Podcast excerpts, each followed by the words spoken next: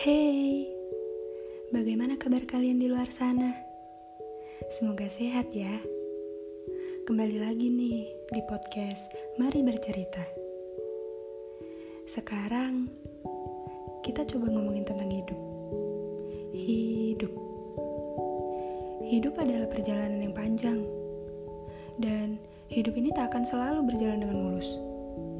Kita tak akan pernah tahu kapan hidup ini akan mencampakkan kita, kapan hidup ini akan membantu kita, pada hari apa, jam keberapa, dan kita tak akan pernah tahu rasa sakit seperti apa yang akan kita hadapi. Hidup tak akan selalu bahagia. Hidup bisa diibaratkan seperti ombak. Ombak di pantai. Ada pasang, ada pula surutnya. Dan terkadang ada saja masalah dan kesedihan yang datang menghampiri. Bagaimanapun kamu mencoba dan berusaha keras, masalah itu tak akan pernah bisa dihindarkan. Ketika rasa sakit dan sedih menghampiri, hati dan pikiran mulai kalut dan gak karuan. Iya bukan? Dan menurut aku, ketika kita dilanda kesedihan, ya sudah, itulah saat di mana kita harus menikmati sebuah kesedihan tersebut. Sebisa mungkin, jangan pernah bilang ke diri kamu kalau kamu itu lagi gak apa-apa.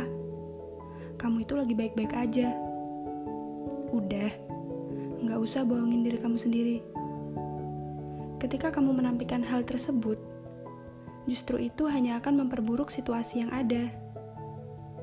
Bisa kita ambil contoh, ketika kita punya teman atau diri kita sendiri deh. Yang baru putus cinta ataupun dilanda sebuah masalah terus kita dengan entengnya nih bilang udah gak usah dipikirin gak usah sedih. Ntar juga balik sendiri. Ntar juga membaik sendiri. Hey gak bisa. Gak bisa dipaksa untuk gak sedih atau gimana. Karena harfiahnya manusia, kalau lagi sedih, ya harus sedih. Keluarkan semua sedih yang sedang dirasa. Kalau kata teman-teman aku nih ya, ya udah, pol-polin aja sedihmu itu, los, lepasin aja semuanya. Ya intinya, seperti yang aku bilang tadi, nikmati.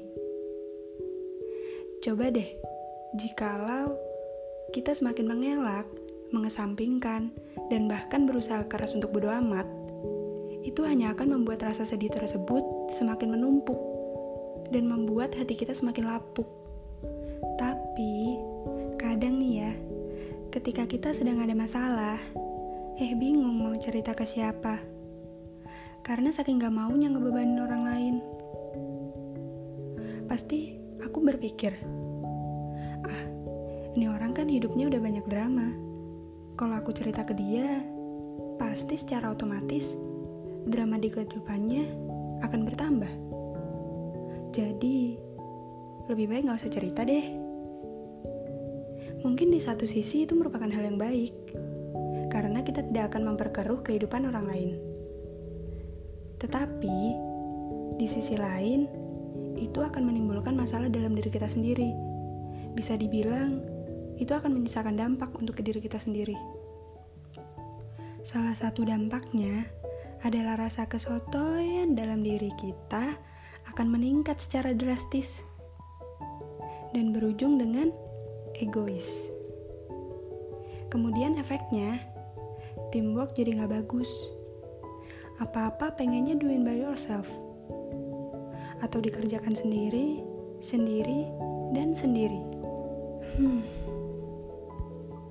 Hingga suatu titik, aku pernah merasa kalau aku lagi sedih gini, lagi ada masalah gini, pengen cerita. Tapi cerita ke siapa ya? Teman-temanku ada. Tapi pasti mikir-mikir lagi. Apa iya aku harus cerita ke dia? Bukan, bukan karena aku gak deket sama temanku. Atau bukan karena aku gak percaya juga. Tapi apa ya? Sebenarnya aku pun bingung gitu. Apa sih yang menjadi halangan aku? Apa sih yang menjadi hambatan? Seperti ketika hendak memulai untuk bercerita, tapi kemudian ada dinding tinggi yang menghalangi langkahku. Ditambah dengan bibir ini yang mendadak tak mau berbicara, dan tangan ini yang enggan untuk menuliskan ceritanya. Rumit ya? Kalau aku boleh saran, untuk teman-teman yang ngerasa di posisi seperti itu juga, nggak apa-apa. Sesekali ceritakanlah kesedihanmu, masalahmu kepada orang lain. Nggak ada salahnya kok. Kepada teman terdekat misalnya. Nggak perlu cerita ke banyak orang. Cerita ke satu teman aja udah lebih dari cukup. Karena eh karena kita adalah salah satu makhluk yang telah diciptakan oleh Tuhan dengan hakikat sebagai makhluk sosial, di mana makhluk sosial akan membutuhkan timbal balik dari manusia lainnya dalam menjalankan hidupnya. Seusai kamu ceritakan keluh kesahmu itu, yakin deh, pasti setidaknya kamu akan ngerasa sedikit lebih lega, seolah-olah beban berat yang sebelumnya kamu pikul sendirian, kemudian kini menjadi lebih ringan karena kini kamu tidak lagi memikulnya sendiri. Ya, walaupun tidak semua cerita akan diakhiri dengan solusi. Tapi nggak apa-apa, kamu sudah berhasil untuk melepaskannya. Melepaskan kesedihan yang selama ini tertimbun jauh di relung hati. Atau jika lo kamu memang tidak berkenan untuk menceritakannya, ya itu juga nggak apa-apa. Itu hak kamu. Tapi perlu diingat, kamu tidak boleh terus-menerus berada dalam lingkaran kesedihan itu. Gini deh, ingat nggak kebiasaan kita semasa kecil? Sadar atau tidak, sebenarnya kita banyak diracuni dengan kata-kata seperti kamu gak boleh takut, kamu gak boleh nangis, kamu gak boleh sedih, kamu gak boleh ini, itu. Iya kan? Dan akhirnya, otak kita terikat dengan kata-kata tersebut dan tanpa disadari, itu semua menjelma menjadi sebuah kebiasaan.